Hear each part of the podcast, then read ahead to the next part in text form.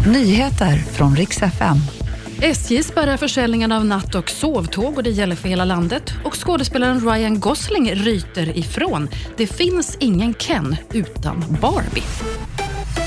Jag ska börja med att det blir ingen paus i striderna i Gaza. Det här meddelade idag Israels regering.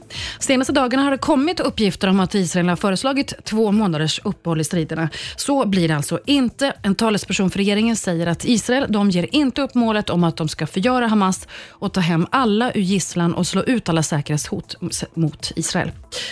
Tillbaka till Sverige. SJ spärrar försäljningen av sov och nattåg och det här gäller för hela landet och försäljning fram till och med 4 mars.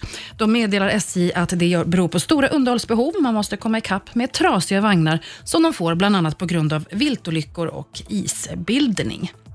Skådespelaren Ryan Gosling han ryter ifrån mot Oscarsgalan. Han är ju faktiskt nominerad för bästa manliga biroll i Barbie-filmen. Och De har ju som sagt en massa nomineringar. Men Margot Robbie hon fick ingen nominering för bästa kvinnliga huvudroll. Och Det tycker Ryan Gosling är orättvist och säger att det finns faktiskt ingen Ken utan Barbie. Att han är besviken, säger han. Det är en underdrift. Samtidigt säger han att han är förstås hedrad att han själv är nominerad för att spela en plastdocka.